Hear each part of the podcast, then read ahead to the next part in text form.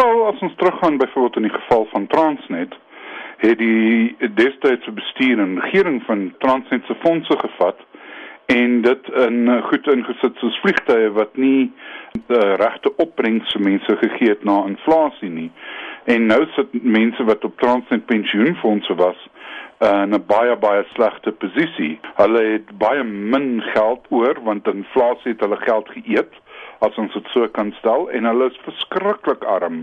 En uh, ander vakbonde het hierdie raak gesien. Ek dink ons moet onthou dat van die mense wat byvoorbeeld by Transnet is ook lidmate van vakbonde is wat by Fedusa en ander vakbond uh, federasies aangesluit is.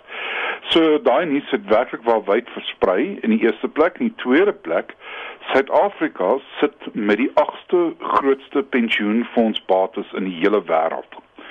En uh, dit is in dollar terme. Dit is die vyfde grootste as ons dit as 'n 'n rasio van BBP uitdruk, as 'n persentasie van BBP. En ek dink dit het meegebring dat die regering regtig waar in hierdie pensioenfonde 'n uh, uitkoms sien vir hulle swak spanderingsbesluite hoe om die staatsondernemings te finansier en nie te laat verantwoording doen oor hulle swak finansiële besluite nie.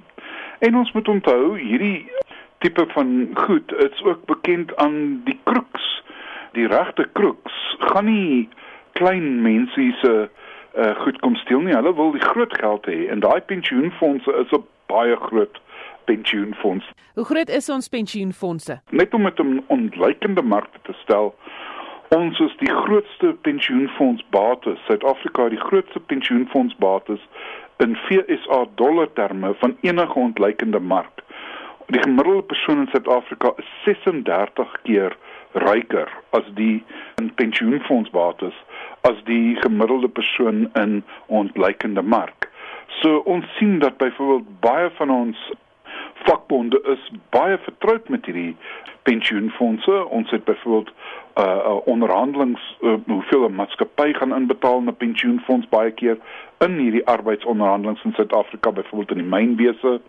En uh, dit is baie groot bate en die vakbonde en ook ander weet dit. En uh die probleem is wat hulle nou raak sien is dat die regering nie meer net enige plek kan geld kry nie en hy kan die geld baie maklik by die staats uh, pensioenfonds kry. Die probleem is egter dat dit net 'n tydelike uitstel kan wees as die mense die reëls verander en wat hulle noem prescribed assets met ander woorde hulle besluit waar jou bates mag belê word uh, verander in so 'n mate dat jy al hoe meer by die regering moet belê en daardeur hoef die regering dan nie na die EMF toe te hardloop wat vir hom gaan sê dat hey jy meneer die regering jy moet oppas hoe jy jou geld spandeer.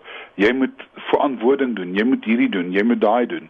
Hier laat toe dat die verantwoording nie kom nie waar die EMF of so nie